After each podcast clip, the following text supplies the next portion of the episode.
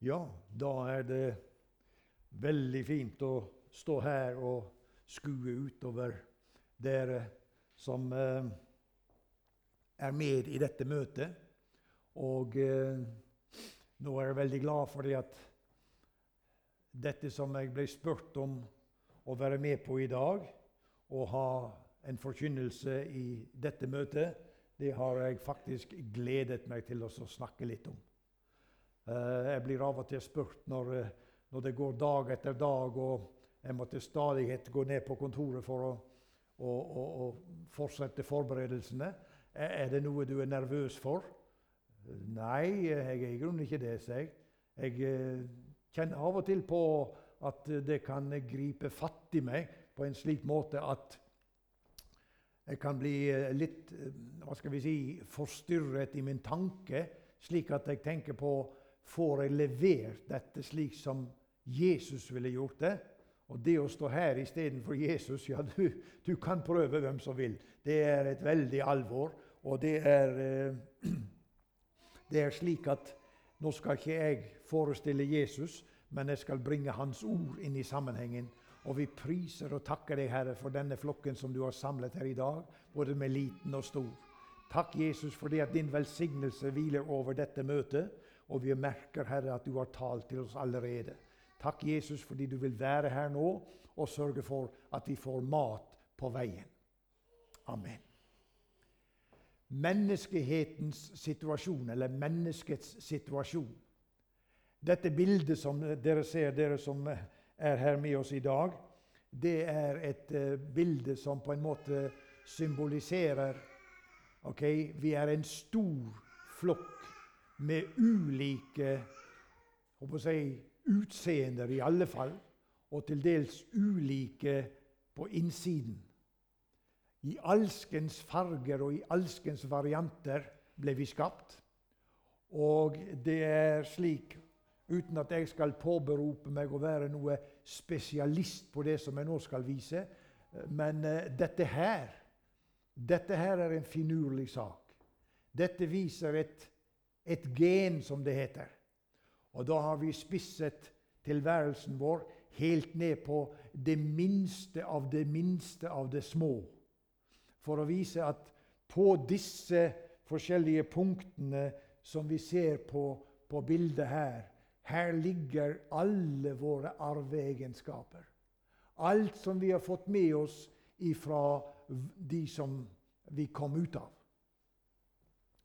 Og eh, dette her, det er egentlig òg en sak som eh, Gud har skapt. For å gi det evige menneskelivet en mulighet. Vi skal ikke dvele så veldig mye med alle disse detaljene som hviler rundt akkurat dette, for uh, dette er for vanskelig selv for han som står her. Så når det er sagt, så tenker jeg det at når vi går videre nå, så vil dere skjønne hvor vi skal hen med dette. For det ligger òg noe i det som ligger i vår arv. Det står her. Det står i Romerne, 10, sorry, Romerne 3, 10-18. Det finnes ikke én rettferdig, enn ikke én. Det finnes ikke én som er forstandig. Det finnes ikke én som søker Gud. Alle er avveket. Alle til hopet er de blitt udugelige. Det finnes ikke noen som gjør godt. Det finnes ikke en eneste. Deres strupe er en åpnet grav. Med sine tunger gjorde de svik. Ormegift er under deres leber. Deres munn er full av forbannelse og bitterhet. Deres føtter er snare til å utøse blod. Ødeleggelse og uselhet er det på deres veier, og freds vei kjenner de ikke. Det er ikke gudsfrykt for deres øyne. Alt dette ligger i dette som danner oss i utgangspunktet. Dette som er vår arv. Der ligger det denne sannheten som vi finner i Romerne 3. Der er ingen som er i seg sjøl er rettferdige for Gud. Slik kan det være, men slik behøver det ikke være. Og så sier du på hvems bekostning Kan du si det? Jo, det kan vi si på Jesu navnet. Det behøver ikke være slik. For du skjønner, i Romerne 8,3 så står det et av mine favorittvers Det som var umulig for loven, det idet den var maktesløs ved kjødet, det gjorde Gud idet han sendte sin sønn i syndekjøds lignelse og for syndens skyld og fordømte synden i kjødet, for at lovens krav skulle bli oppfylt i oss, vi som ikke vandrer efter kjødet, men efter ånden. Nå må vi ha helt fokus på det at vi som er troens folk, består av to enheter. Vi består av det som vi fikk se her, bildet av dette genet, bildet av dette som vi er bygd opp av, og som vi har fått med oss i arv. Altså dette legemet, dette kjødet som Bibelen taler om. Og i dette kjødet så er det ingenting å møte Gud med. Derfor har Gud sagt at en dag så skal disse to, det nye livet som han skapte der inne ved troen på Jesus, og dette kjødet, de skal skille lag. For dette kjødet det skal ligge igjen her og brennes opp med alt det som skal brennes opp når himmel og jord skal settes i brann. Men det nye livet, det skal få oppleve også det som himmelen har lovet. Nettopp dette å få være i Guds nærhet. Fordi Gud gjorde det mulig, det som var umulig for oss. Det gjorde han idet han sendte sin sønn i syndig kjøtts lignelse og fordømte synden i kjødet. For at lovens krav skulle bli oppfylt i oss, vi som ikke vandrer efter kjødet, men efter ånden. Dette har mange opplevd opp gjennom tidene. Og kjent på hvor vanskelig det er. Strevd med dette. Enda til blant de som har nøye lest og kan det meste av Skriftene uten å åpne boka. De kan det Hva heter det, da? By heart, heter det på fint norsk. De har det i seg, dette som Gud har skrevet. Men allikevel så kommer dette spørsmålet når dette begynner å levne til. Hvordan bli rettferdig for Gud? Hvordan oppleve det å bli stående for Kristus Jesus på den store dag som ren og rettferdig og himmelen verdig? Jo, i Jesu blod er det mulig. Og at verden, som broderen som åpnet her, snakket om, nå stilles overfor dette her. Hva er det som skjer? Er det noen som har sagt noe om hva som skal skje, og når tid det skal skje? Og kanskje begynner dette spørsmålet å spisse seg til for noen mennesker. Vi ber til Gud om det. Hvordan kan jeg bli rettferdig for Gud? Hvordan kan jeg få være med den dagen Jesus henter sine hjem? Dette var et spørsmål som kom til Nikodemus, mannen som kunne hele Det gamle testamentet uten å se i boka. Du kunne spørre han, hva står det i Haggai 4, ja, vers 3? Så kunne Nikodemus sitere det. Men det hjalp ikke Nikodemus noe at han kunne hele testamentet, Gamle testamentet utenat. Dette leser vi om ble en viktig sak for han, og han søkte til Jesus om natten. og Dette finner vi i Johannes 3, fra første vers og ut til og med det 21. verset. Den som kommer til Jesus, og dette var det Nikodemus opplevde, og dette er det mange av oss som har opplevd, og takk og lov, vi som er her i dag, vi er av de som har kommet til Jesus og opplevd det at Jesus har ikke støtt oss ut. Slik han sier i Johannes 6, 37. Alle de som Faderen gir meg, kommer til meg. Og den som kommer til meg, vil jeg ingenlunde støte ut. Legg merke til i dette verset så står det ikke noen ting om at du må ha prestert slik og slik før du kan komme. Det står ingenting om at du må ha fått de og de tingene på plass i livet før du kan komme. Nei, det står bare det at de som kommer til meg. Helt uavhengig av bakgrunn, av rase, av status og farge. Ingenting av det betyr noe. Det som betyr noe, det er å komme til Jesus og kjenne på dette. 'Jeg har bruk for deg, Jesus, for ellers så kommer jeg til kort.' så har vi dette da, at i denne prosessen så, så, så er det slik at etter at et menneske har fått oppleve det som Nikodemus fikk oppleve Han ble født på ny i møte med Jesus. Hva skjer så etter at et menneske er født på ny? Jo, det som skjer, det er at det nye livet det begynner å ta til seg næring. Det tar til seg næring, slik Peter beskriver det i, kapittel, i, i 1. Peter 2,2. Der står det så at en kan vokse derved, altså ved det en hører. Å vokse ved det en hører. For dette, altså Skriften, er ikke noe tomt ord for dere, men det er eders liv. Og ved dette ord skal dere leve så lenge i, i, dere skal leve så lenge dere er i dette landet som dere nå drar over til Jordan og skal ta i eie, sa Gud gjennom Moses til sitt folk i 5. Mosebok 32, 47. Dette ordet skal gi dere den kraften som dere trenger. Og for når Gud sa til, til sitt folk, Israel, når de var i denne posisjonen Nå skal dere over til den andre siden av denne elva. Da var det ikke lenger Moses som skulle lede dem. Dette er kjent for oss som er her i menigheten. disse fortellingene. Og da Moses var gått opp på piskas topp, så står det at Herren tok seg av han, og ingen så Moses noe mer igjen. For Gud ordnet ut i det som skulle ordnes ut. Moses' tjeneste var over, og Josva tok over. Og han skulle føre folket over Jordan. Og i denne sammenhengen så var det faktisk slik at det var ved det som Gud gav sitt folk under ørkenvandringen, at de overlevde. Dette kan du lese om i Salme 78, vers 24, eller i 2. Mosebok 16, 31. Der står det at Gud gav de der i ørkenen, hvor ikke det var vekstforhold for noe som helst. Det var ingenting å hente. Det var verken mat eller drikke eller det de trengte. Men dette hadde vi for oss på et møte her tidligere. At enda til skoene på deres føtter ble ikke utslitt på vandringen gjennom de 40 år. Jeg har ikke hatt noen sko som har vart i 40 år, men jeg har hatt noen som har stått i ro holdt på å si, i, i, i flere tiår, og de er eh, helt ubrukelige.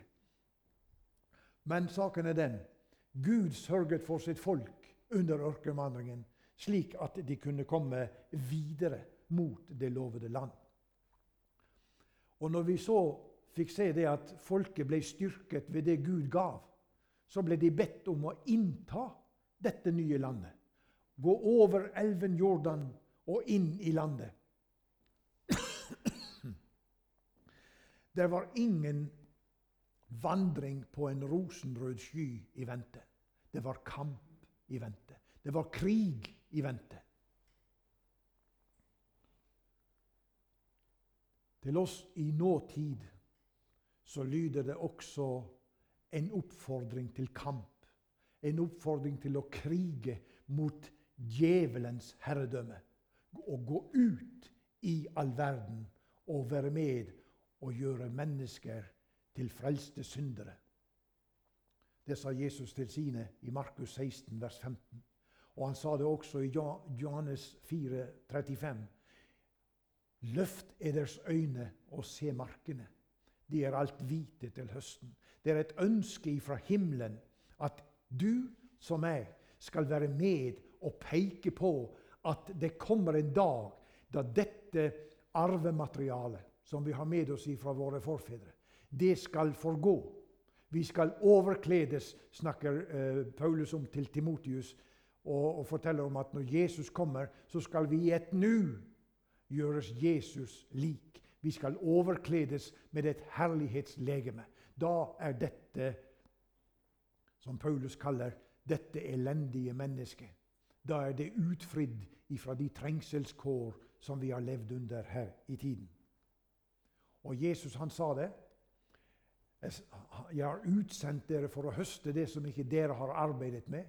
Andre har arbeidet, og dere er kommet inn i deres arbeid. Slik var det her i menigheten. Det var noen andre enn oss som begynte dette arbeidet. Vi er kommet inn i deres arbeid. Og er, nå er ikke de lenger med oss her i våre møter, fordi at Herren har tatt de fleste av dem hjem. Og de som enda venter på, fremme, på, på, på overføringen til det nye livet.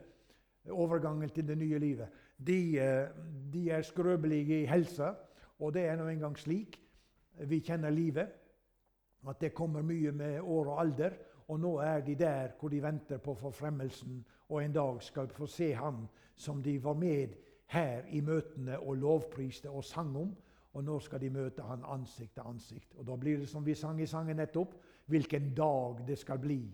Og slik er det for oss som har håpet vårt i Jesus Kristus, hvilken dag det skal bli når vår Frelser vi møter der på den himmelske strand. Har du forestillingsevne? Ja, jeg spør deg. La Den hellige ånd virke på ditt hjerte med disse tanker.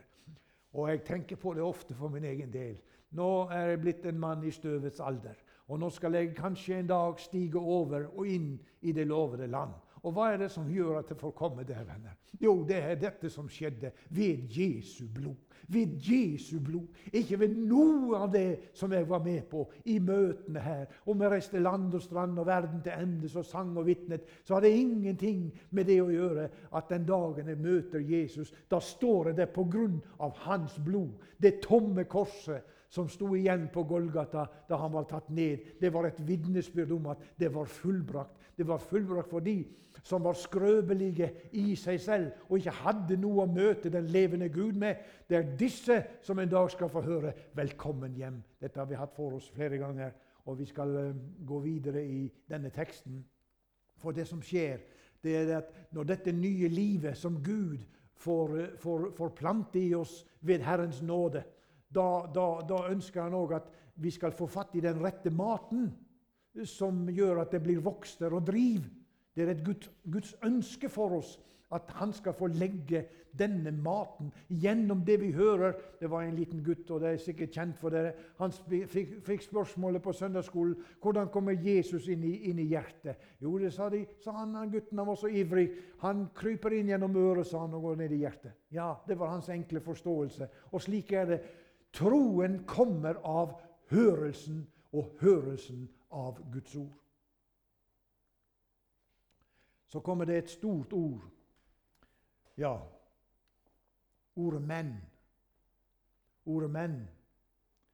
Det betyr at nå kommer det noe mer. Og det er et stort 'men' i denne sammenhengen her. Fordi at livet det byr på mange forstyrrende elementer. Forstyrrende elementer for han som står her, og for du som sitter der, og du som hører. Hus og hjem, karriere, å være med å bygge velstand, være med å bygge landet. Alt dette er velsignelser som vi får i møte med livet. Som Gud byr på og sier det at 'ja, jeg unner deg hus og hjem'. 'Jeg unner deg en kjempefin karriere'. 'Jeg unner at du skal få bruke dine evner og dine gaver', så du kan være med og bygge velstand, så det blir et godt land å bo i'. Det er ingenting galt med å være opptatt med dette. La det være sagt. La det være sagt. Det er mange forstyrrende elementer, skriver vi her. Og det er fordi at disse ting kan være en forstyrrelse. Og hva taler Guds ord om det? Ja, Da kan vi gå til Haggai, og så kan vi lese der. Og så lese det at hver og en av dere, sa han til sitt folk, er opptatt med å bygge deres egne bordkledde huser, mens mitt hus ligger øde. Det konfronterte han folket med. Men himmelens Gud, han ville vi skulle være med å ta vare på det som han har gitt oss, og vi skal bruke det til hans ære. Det dreier seg om å besitte gløden og iveren og leve i fornyelsen ved daglig å spise sitt brød. David, som vi siterer fra her i Salme 102, 102,4, han sa mitt hjerte er stukket som en urt og fortørket fordi jeg har glemt å ete mitt brød. Dette har med nettopp dette å gjøre. Og hvordan kan det være slik at ilden brenner i sitt hjerte, og du har fått glødende kull i skoene? Hvordan er det da? Da står du ikke rolig, nei, bare for å bli i bildet. Det dreier seg om å være grepet av det som vår salige søster sa her for et møte for lenge, lenge siden, da jeg vet at hun sjøl sto i en meget smertelig kamp med mangt og meget. Og så gikk hun fram og så leste hun Filippenserbrevet, hvor det står det at gleden er i Kristus er vår styrke. Gleden i Kristus. Hvordan kan det være glede i mitt liv i en verden som er så full av turbulens og så mye vanskeligheter og elendighet som vi, som vi um, opplever og hører om hver dag? Og når jeg òg kjenner på mine egne utilstrekkeligheter, hvordan kan det da være at jeg kan allikevel glede meg midt i alt det som jeg møter? Hvordan går det an? Ja, er det egentlig mulig? Jo da, det er mulig. Fordi i Kristus Jesus er situasjonen en annen enn å være i legeme. Nå, nå, nå, nå, nå sier du kanskje Nå øh, stiger du over øh, den røde linja her. Fordi at uh, vi er jo i verden. Ja, vi er i verden. Og hva sa Jesus til oss mens vi er i verden? I verden har dere bare glede og fryd og halleluja. Nei, han sa ikke det. I verden har dere trengsel, sa han. Men vær frimodige. Jeg har overvunnet verden, og hans seier, har han sagt til meg, det er min seier. Derfor så kan vi glede oss og fryde oss og være med, selv når livet her på denne sida trykker oss ned gjennom alskens opplevelser så kan vi allikevel ha denne gløden i vårt hjerte som beskrives ut ifra det som Guds ord sier, at det er Han som har lagt den der. Halleluja. Det er Han som har gjort underet. Det er Han som fører oss igjennom de vanskelighetene. Selv når du, når du, sitter der i godstolen og leser Ordet, og du kjenner Ånden tale til deg, eller når du kjenner ikke sveimen av at Guds ord er i nærheten av deg, selv om du sitter med det mellom hendene, for tankene dine raser inn på de mange utallige ting som kan forstyrre din vandring i livet sammen med Jesus. Og så kjenner vi på dette her, som Paulus sa hvem skal fri meg fra dette dødens legeme, sa han. Gud være takk! Ved Jesus Kristus har jeg min seier. David kom i denne situasjonen at hans hjerte var som en stukket urt, helt uttørket, fordi han mistet fokus. Og Davids historie den tar vi ikke tid til her nå. Den, den kjenner du til og kan lese. Men David hadde det akkurat som de i Efesus. Og nå har jeg tenkt på det som kommer nå etter dette bildet her, for vi som er her, vi ser jo dette her. At uh, denne, denne, detaljen som står her Tenk å ha en sånn CV. Ja, tenk å ha en sånn CV, og vi skal lese denne CV-en her, som Gud gir til menigheten i Efesus. Skriv til engelen for menigheten i Efesus. Dette sier han som holder de syv stjerner i sin høyre hånd. Han som går midt imellom de syv gullysestaker. Jeg vet om dine gjerninger. Og her kan du få være med og sette inn ditt navn. Jeg vet om dine gjerninger. Vi bruker navnet Ole. Jeg vet om dine gjerninger, Ole, ditt arbeid og din tålmodighet.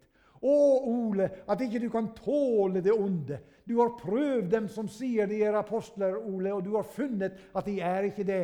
Og Ole, du har funnet at de er løgnere. Men du har tålmod, Ole.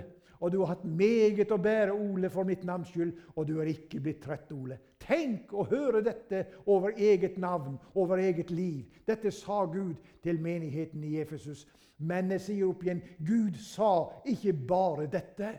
Dette er bare begynnelsen på det som han ville ha frem til menigheten i Efesus. For her kommer baksiden av medaljen. Men jeg har imot deg. Jeg har imot deg fordi du har forlatt din første kjærlighet. Kom derfor i hu hva du er falt ifra, og omvend deg og gjør de første gjerninger. Ellers kommer jeg over deg og vil flytte din lysestake fra den sted hvis du ikke omvender deg.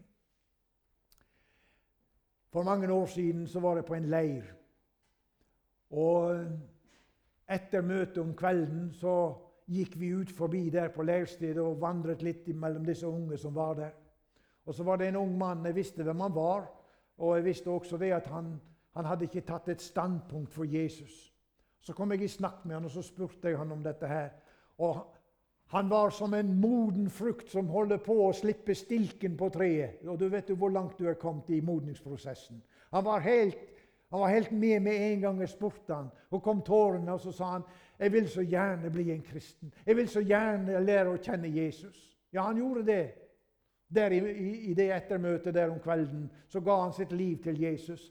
Og så fikk vi lede han inn i Skriftens salige kapitler om at den som kommer til Jesus, blir ikke støtt ut, slik som vi leste det her i sted.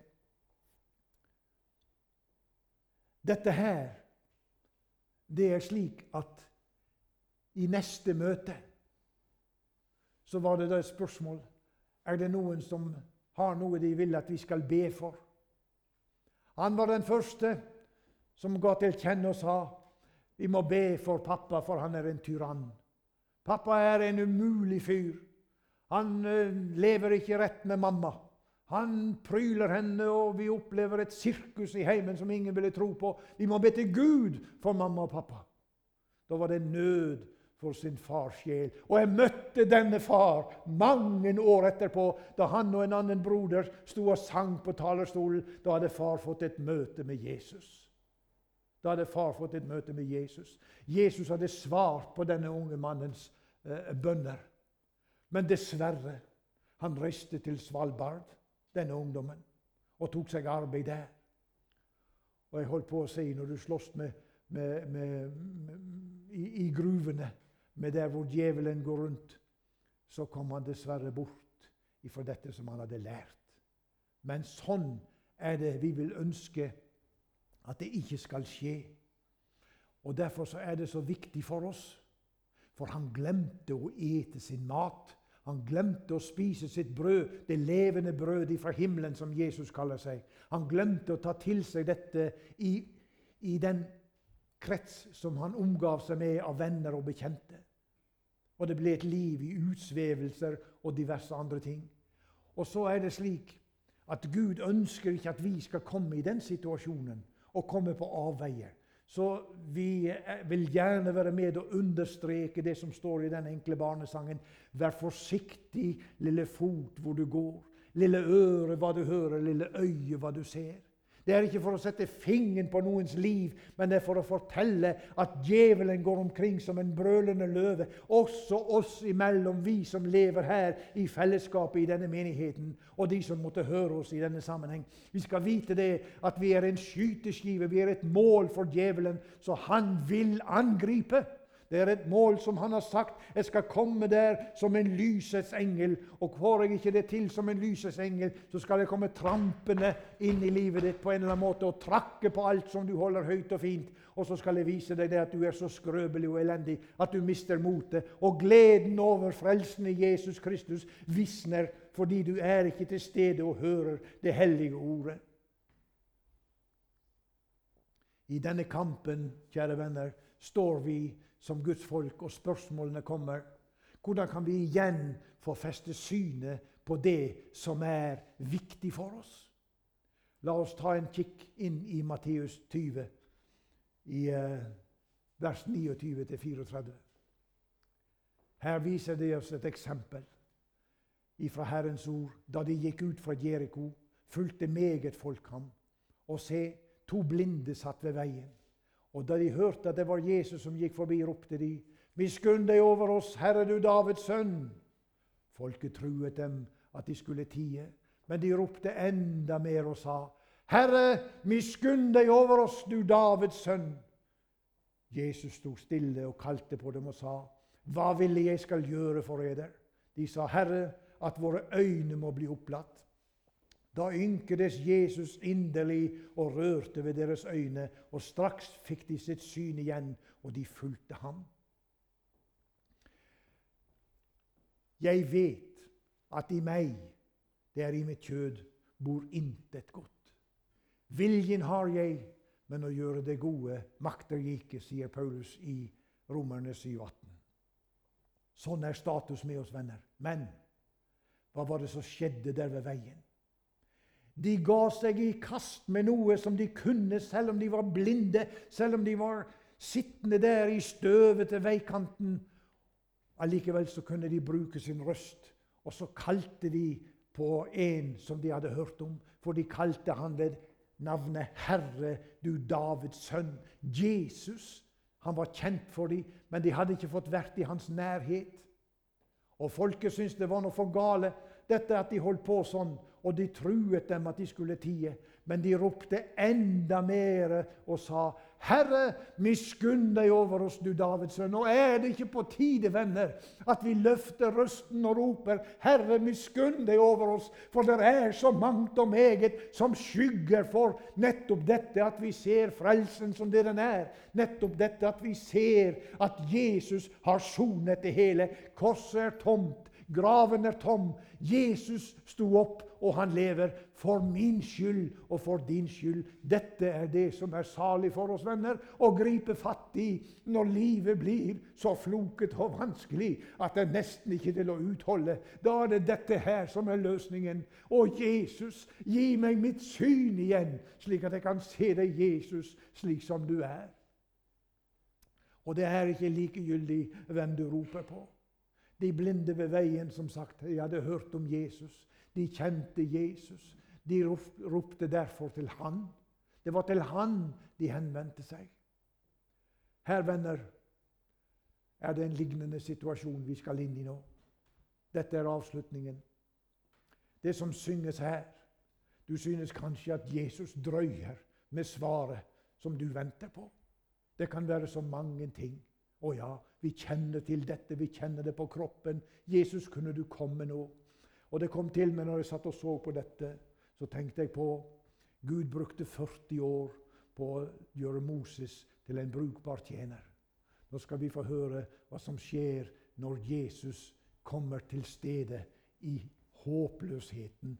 Det er forbi med håpet. Det er forbi med mulighetene. Denne teksten er på engelsk, og den er for oss som sitter her og forstår. Og skulle det være noe du ikke forstår, så skal du gjerne komme og spørre etterpå. Så skal vi hjelpe med det. Men her er det slik at Jesus kommer aldri for seint. Ta det med deg fra dette møtet. Jesus kommer aldri for seint. Vær så god. Herre Jesus Kristus, du den levende Gud. Vi er mange her, Herre, som venter som venter på din inngripen i alt som vi har lagt frem for deg. Og vi kjenner på dette som ble sunget her, Herre. Du er så sein i å komme på plass, Jesus. Men du har en hensikt. For du vil lære oss, Jesus, å stole på deg. At du kom ikke for seint den gang, og du kom ikke for seint i dag. Herre Jesus, nå ser du hjertene som er bøyd i bønn innenfor ditt åsyn og som kjenner på de mange ting som ikke jeg kjenner til, Herre Jesus, i denne forsamling. Men du, Jesus, du går til den enkelte nå, og så sier du, Herre, du arbeider med saken. Og vi priser deg og takker deg, Herre, for løftene kan ikke svikte. Nei, de står evig fast. Jesus hvert ord har beseglet den gang hans hjerte brast. Herre, la det bli en virkelig for oss. La det bli virkelig for oss, Herre, at du hører bønn også i dag for alle de ting som tynger oss, og som er vanskelig. Det være seg, Herre, helse og liv og krefter eller andre ting, Herre, som måtte være en byrde for oss. Takk, gode Gud i himmelen, fordi du er allmaktens Gud, som sier:" Bommer av jern og dører av kobber vil jeg sønderslå, og jeg gjør veier i ødemarken. Det er ditt løfte, Herre. Vi priser deg for det. Kom til oss, Jesus, og hold du ettermøte med oss i ditt navn. Amen.